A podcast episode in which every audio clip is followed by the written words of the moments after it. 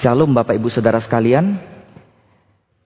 Saya mengajak setiap kita boleh membuka satu bagian firman Tuhan dari Injil Markus pasal yang ke-8. Injil Markus pasal yang ke-8. Di dalam waktu yang sangat singkat ini kita akan membahas, merenungkan bagian firman Tuhan dari Injil Markus pasal 8 ayat yang ke-34 sampai ayat yang ke-38. Tapi saya hanya akan membacakan ayatnya yang ke-34. Lalu Yesus memanggil orang banyak dan murid-muridnya dan berkata kepada mereka, Setiap orang yang mau mengikut aku, ia harus menyangkal dirinya, memikul salibnya, dan mengikut aku. Saudara sekalian, saya pikir setiap kita setuju kalau salah satu buku terbaik yang jemaat GKY Greenfield pernah baca dan sama-sama belajar adalah buku Not a Fan. Bukan seorang penggemar tulisan dari Kyle Edelman, seorang pendeta yang ada di Kentucky. Saudara, bagi saudara-saudara yang pernah membaca buku ini atau mendengarkan kupasan daripada buku ini yang disampaikan di dalam di atas mimbar GKI Greenfield ini, maka di sana dikatakan Kyle Edelman menyebutkan bahwa ternyata banyak orang Kristen yang menganggap dirinya adalah pengikut Yesus. Tetapi sebenarnya mereka tidak jauh berbeda dengan seorang fans atau seorang penggemar saja. Saudara sekalian, ternyata di dalam hidup seorang Kristen, lewat banyak hal, lewat banyak pergumulan, maka definisi pengikut Yesus atau mengikut Yesus itu kemudian menjadi kabur.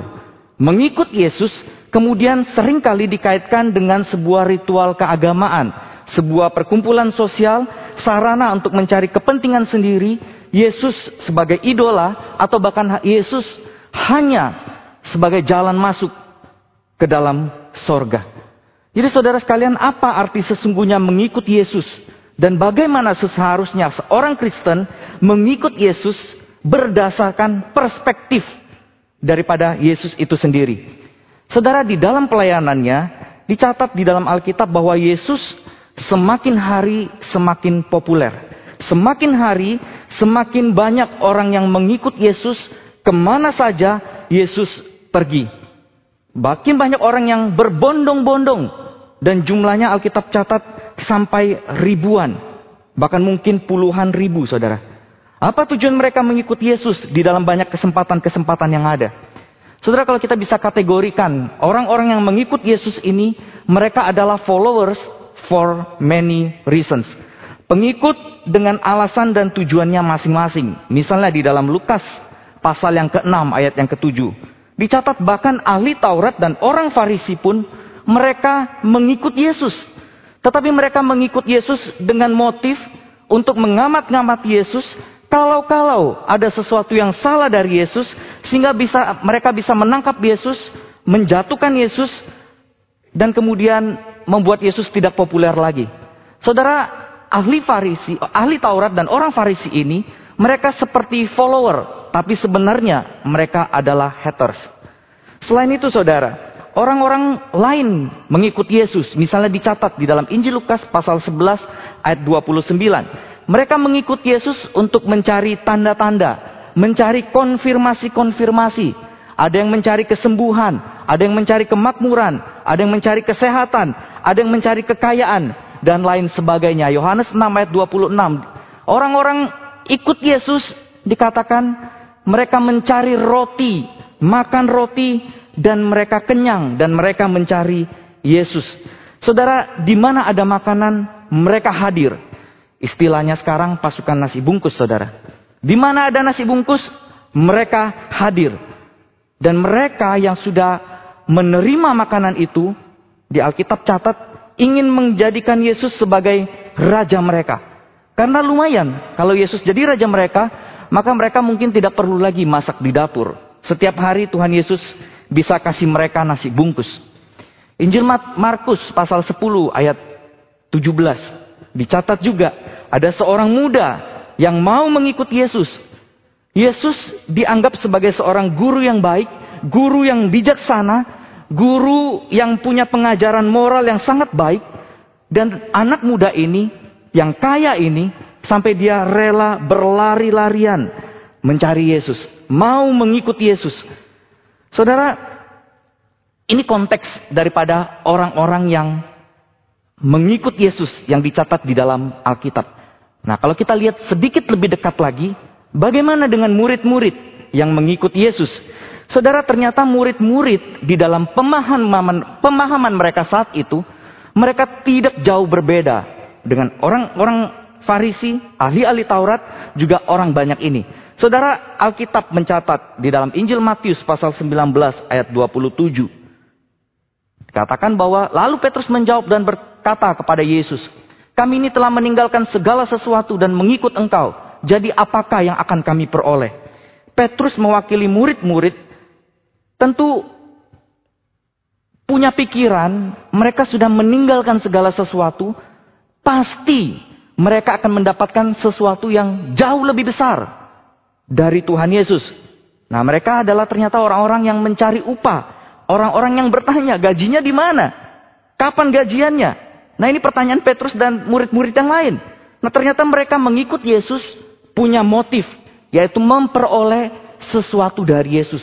Bahkan sesuatu yang lebih besar dari apa yang sudah mereka tinggalkan sebelumnya. Injil Markus juga mencatat bahwa murid-murid mengikut Yesus, mereka mencari, mengingini supaya salah satu dari mereka menjadi yang terbesar di antara murid-murid yang lain. Mereka mempertengkarkan, beradu pendapat untuk menentukan siapa yang paling besar di antara mereka. Kalau kita lihat lagi Injil Markus pasal 10 ayat 35. Yakobus dan Yohanes pun demikian. Waktu mereka mengikut Yesus, Mungkin mereka tidak memikirkan ya sudahlah, sekarang saya kerja keras nggak apa-apa. Tuhan bilang nggak ada upahnya di dunia nggak apa-apa. Tapi mereka mengharapkan suatu hari kelak satu duduk di sebelah kanan, satu duduk di sebelah kiri Tuhan Yesus. Saudara juga ada di dalam Injil Yohanes pasal 12 ayat 4 sampai 6. Di sana dikatakan ada yang ikut Yesus dengan tujuan yang sangat materialistis sekali, yaitu uang. Perhatiannya, hatinya, seolah-olah disetting mirip dengan Yesus. Memperhatikan orang miskin, memikirkan orang miskin. Tetapi ujung-ujungnya adalah duit. Nyolong duit dari tugasnya sebagai bendahara. Saudara banyak orang yang memang ikut Yesus ingin uang, ingin kaya, ingin sukses. Fokusnya adalah hal-hal yang bersifat materi. Saudara dan kalau kita lihat di sepanjang Alkitab, nanti saudara boleh baca, masih banyak motif-motif lain daripada orang yang tampaknya mereka adalah pengikut Yesus, tetapi sebenarnya mereka bukanlah pengikut Yesus. Saudara perikop yang kita baca tadi, Injil Markus pasal 8, ini ada di dalam sebuah konteks betul Yesus semakin hari semakin populer. Tapi konteks lainnya mulai dari pasal 6 Injil Markus itu adalah sebuah pelarian atau penyingkiran Yesus dari pantai timur utara, dari pantai timur Danau Galilea, kemudian menuju Tirus dan Sidon, kemudian menuju Dekapolis, dan bagian pasal 8 ini adalah penyingkiran Yesus di Kaisaria dan Filipi. Nah ternyata di dalam penyingkiran tersebut, pelayanan dan mujizat terus Yesus lakukan. Semakin hari, semakin banyak orang yang mengikut Yesus. Dan murid-murid yang melihat apa yang Yesus perbuat dan orang yang semakin banyak mengikut Yesus, maka mereka kemudian terkonfirmasi tentang siapa Tuhan yang mereka ikuti. Hebat sekali Tuhan Yesus, dikejar mau ditangkap, tetapi orang yang ikut dia makin banyak. Dikejar mau ditangkap, tetapi mujizat yang dilakukan semakin banyak. Saudara, maka di dalam sebuah percakapan sebelum perikop ini, saudara, Yesus menanyakan kepada murid-murid tentang siapa dirinya. Nah maka dari mereka ada yang berkata bahwa engkau adalah Yohanes Pembaptis, Elia, salah satu dari para nabi, dan lainnya, dan lainnya saudara. Kemudian Petrus menjawab. Petrus berkata, engkau adalah Mesias dari Allah, anak Allah yang hidup. Tapi saudara kalau kita boleh tanya lebih lanjut lagi, apa definisi Mesias yang dimiliki oleh Petrus saat itu dan juga mungkin murid-murid pada saat itu? Saudara mungkin mereka berpikir bahwa Mesias adalah sebuah sosok yang nanti akan melepaskan mereka dari perbudakan orang-orang Mesir. Mesias adalah seorang yang nanti dengan gagah perkasa akan menunggang kuda kerajaan. Mesias yang nanti akan memimpin gerakan politik melawan Roma. Mesias yang akan memberikan kemenangan demi kemenangan. Dan Mesias yang akan menaikkan derajat daripada orang Yahudi. Saudara sekalian, apa yang ada di dalam pikiran Petrus ini, kemudian Petrus tunjukkan di dalam sikapnya ketika Tuhan berkata di ayat 31. Kemudian mulai Yesus mengajar mereka bahwa anak manusia harus menanggung banyak penderitaan, ditolak oleh tua-tua, imam-imam kepala dan ahli-ahli Taurat lalu dibunuh dan bangkit pada hari yang ketiga. Petrus tidak setuju Mesias seperti itu. Di dalam pikiran Petrus tidak ada istilahnya Mesias sebagai hamba yang lemah atau hamba yang menderita. Harus ditangkap, mengalami penderitaan, bahkan mati. Tidak ada Mesias dengan pengertian seperti itu, definisi seperti itu di dalam pikirannya Petrus. Maka apa yang Petrus lakukan? Petrus segera menarik Yesus ke samping dan Petrus segera menegur Yesus. Saudara berhenti sejenak di sini. Saya ingin mengajak, mengajak setiap kita mundur sebentar ke dalam perenungan kita minggu yang lalu tentang pencobaan Yesus di padang gurun. Lukas pasal 4 ayat 13 itu ditutup dengan sebuah catatan. Sesudah itu iblis mengakhiri semua pencobaan itu, ia mundur daripadanya dan menunggu waktu yang baik. Saudara, iblis bukan saja menunggu waktu secara kronos, waktu yang bergulir seperti sekarang ini. Iblis juga bukan saja menunggu waktu secara kairos, kesempatan yang tepat untuk menjatuhkan Yesus. Tetapi iblis menyusun strategi. Saudara, ini adalah salah satu pola yang kita bisa pelajari dari iblis. Kalau di Lukas pasal 4 tadi, iblis secara terang-terangan menyerang Yesus lewat makanan, kemuliaan dunia, hormat dari dunia. Maka di bagian ini, di bagian yang tadi kita baca, bahkan ketika saya menjelaskan tentang orang banyak yang mengikut Yesus, iblis menggunakan orang-orang ini kemudian untuk menyerang Yesus. Iblis pakai orang-orang yang ada di sekitar Yesus, termasuk orang-orang yang dekat dengan Yesus, yaitu murid-murid Yesus, untuk mencobai Yesus. Tujuannya satu, untuk mengalihkan fokus Yesus dari maksud dia datang ke dunia ini. Saudara, iblis datang kepada Yesus lewat orang-orang yang mencari makan, mencari popularitas, mengejar kemuliaan dan pengakuan dunia, memikirkan cara dan nilai dunia, mencari posisi, mencari keuntungan diri sendiri, dan lain sebagainya. Saudara dan bisa saja sebenarnya Yesus memberi mereka makan, membiarkan mereka mengangkat dirinya menjadi raja, mengikuti pikiran Petrus tentang Mesias yang tidak harus menderita, apalagi ditolak tua-tua, kemudian disalibkan, mati. Saudara, tetapi Yesus tidaklah demikian.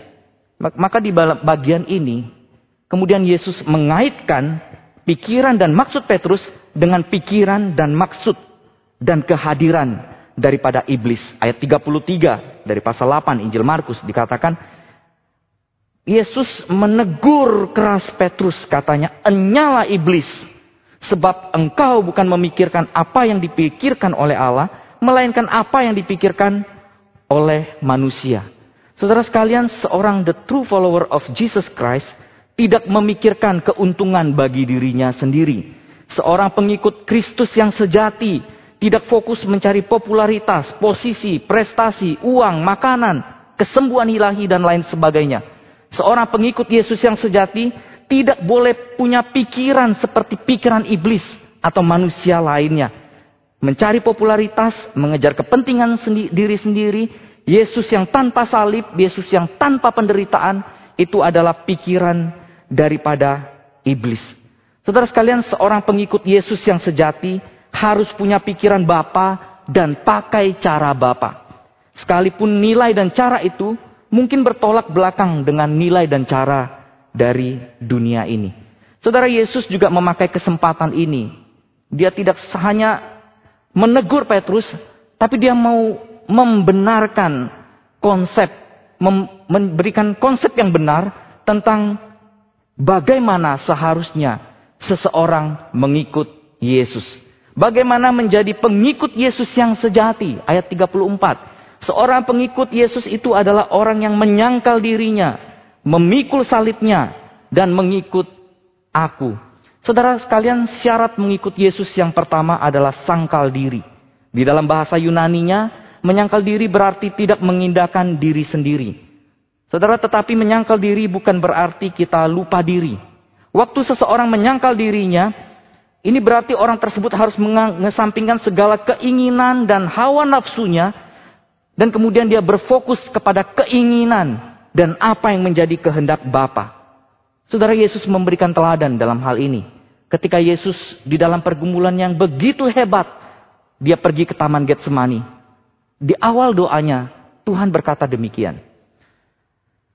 Sekiranya mungkin, kiranya cawan ini lalu daripadaku. Saudara, itu keinginan Tuhan Yesus. Kalau boleh, cawan ini lalu daripadaku. Tetapi doa itu tidak berhenti di sana, saudara. Doa itu dilanjutkan dengan bukan kehendakku yang terjadi, tetapi kehendakmu Bapa yang terjadi. Saudara Yesus tidak ngotot dengan maunya. Yesus kemudian dia tidak ngotot dengan apa yang jadi keinginan dia. Yesus menyerahkan keinginan Bapa itu yang boleh terlaksana di dalam kehidupannya.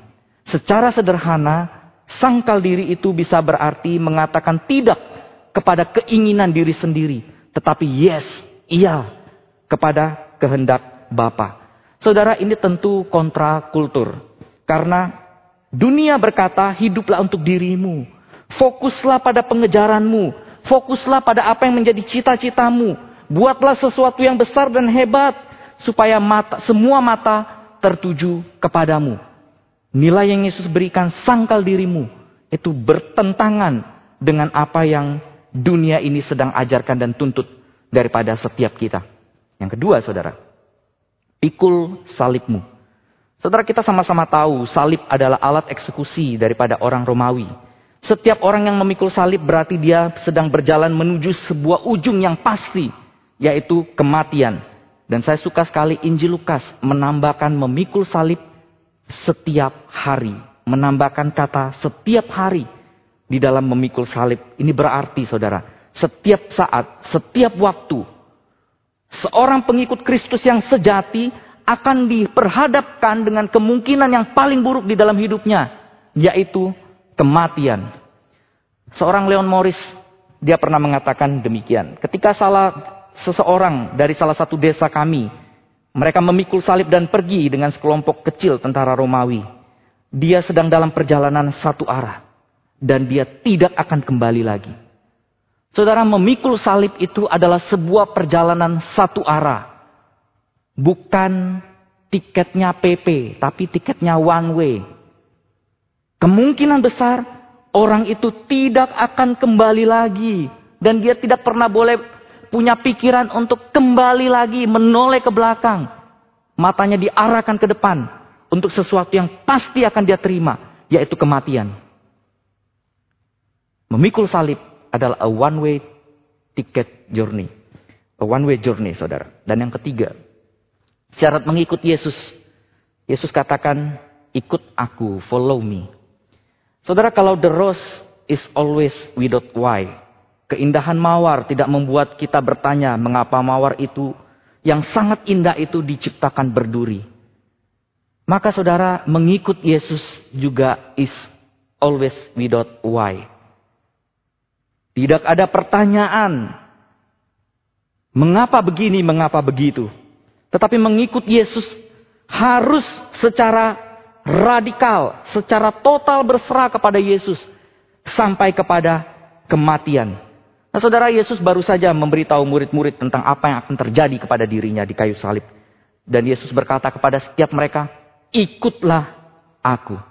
Saudara-saudara secara cepat, di bagian Alkitab yang lain nanti saudara-saudara bisa baca. Yesus kemudian menjabarkan tentang sangkal diri, pikul salib, dan ikut aku. Di dalam Injil Matius pasal 8, Injil Matius pasal 10, pasal 19, pasal 10 lagi, Injil Lukas pasal 9, Injil Lukas pasal 9, dan Injil Lukas pasal 14. Yesus kemudian menjabarkan sedemikian rupa tentang sangkal diri, pikul salib, dan ikut aku.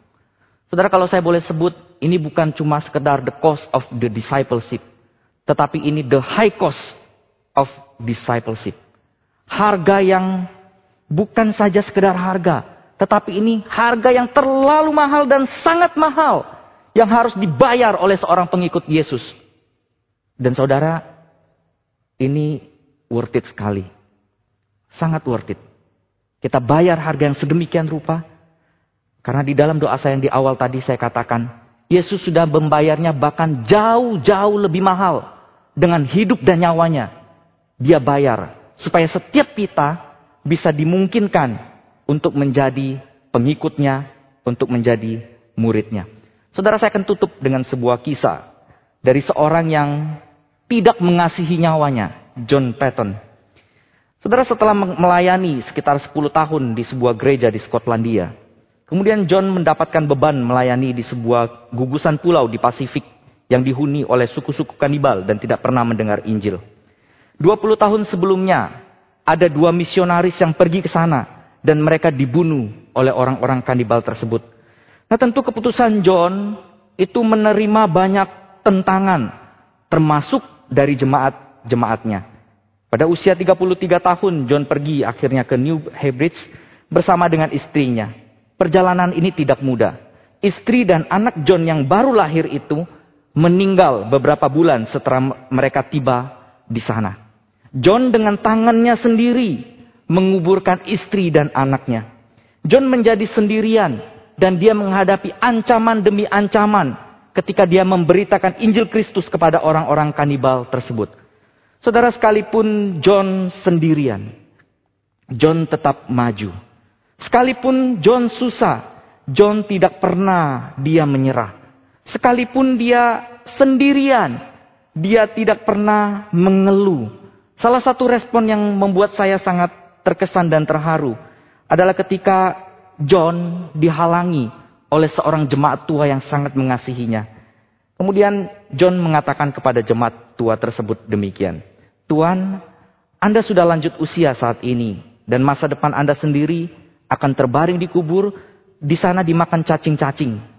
Nah saya mengaku kepada Anda bahwa jika saya dapat hidup dan mati untuk melayani serta menghormati Tuhan Yesus, tidak ada bedanya bagi saya apakah saya dimakan oleh kanibal atau cacing-cacing. Saudara bagi John, mengikut Yesus adalah siap untuk kemungkinan yang paling buruk, yaitu mati di tangan orang-orang kanibal ini. Saudara John mengerti benar apa artinya mengikut Yesus. Dia tetap melayani walaupun susah. Dia tetap melayani walaupun sendiri. Dia tetap melayani walau tanpa ditemani istri dan anaknya. John tetap pergi melayani walaupun dilarang dan dicemooh. John rela bayar harga, menyangkal diri, memikul salibnya, mengikut Tuhan, mengatakan tidak kepada keinginannya sendiri, mengatakan tidak kepada kenyamanan yang mungkin dia bisa terima. John rela memikul salibnya demi Injil. Bahkan dia rela nyawa sebagai taruhannya ketika dia harus mengikut Yesus. Saudara sekalian, kita relatif tidak seperti John. Kita relatif tidak harus seperti John dan kita relatif tidak dituntut seperti John. Kita dikelilingi oleh banyak kemudahan dan kenyamanan. Tapi sering kali saudara, kemudahan itu, kenyamanan itu buat kita terlena dan kita lupa akan makna mengikut Yesus yang sesungguhnya. Murid-murid mengalami hal itu.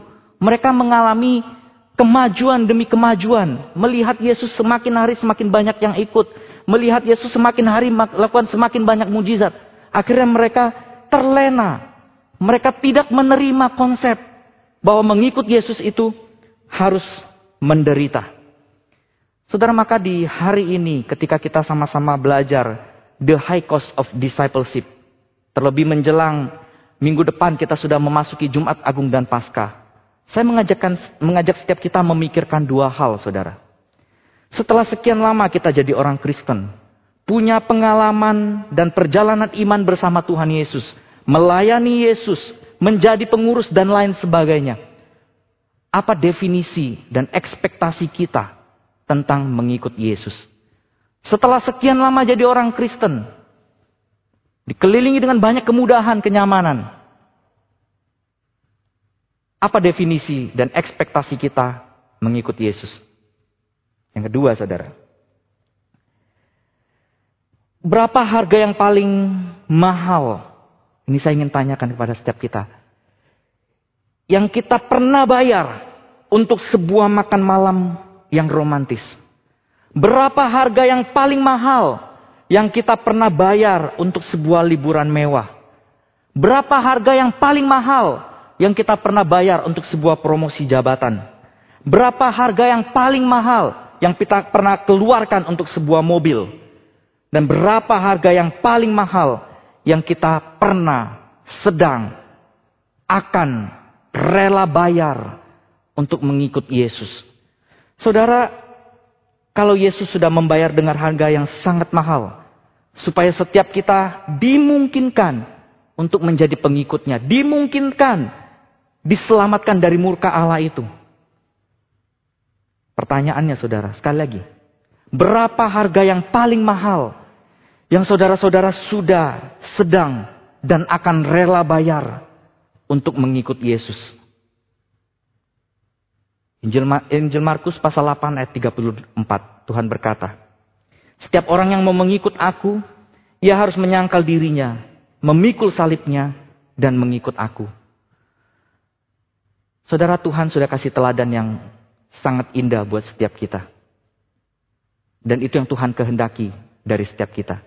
Kalau murid Konfusius pernah berkata, guru adalah tubuh dan murid adalah bayangan. Artinya kehidupan seorang murid itu tidak pernah lepas dan selalu melekat ikut dengan tuannya. Alkitab bilang, seorang hamba tidak pernah lebih tinggi daripada tuannya. Seorang murid tidak pernah lebih tinggi dari gurunya juga. Artinya apa saudara? Kalau Tuhan pun, Tuhan Yesus dalam Efesus pasal 2, dia sendiri menyangkal diri, dia sendiri memikul salib. Kita tidak bisa lebih daripada itu, saudara.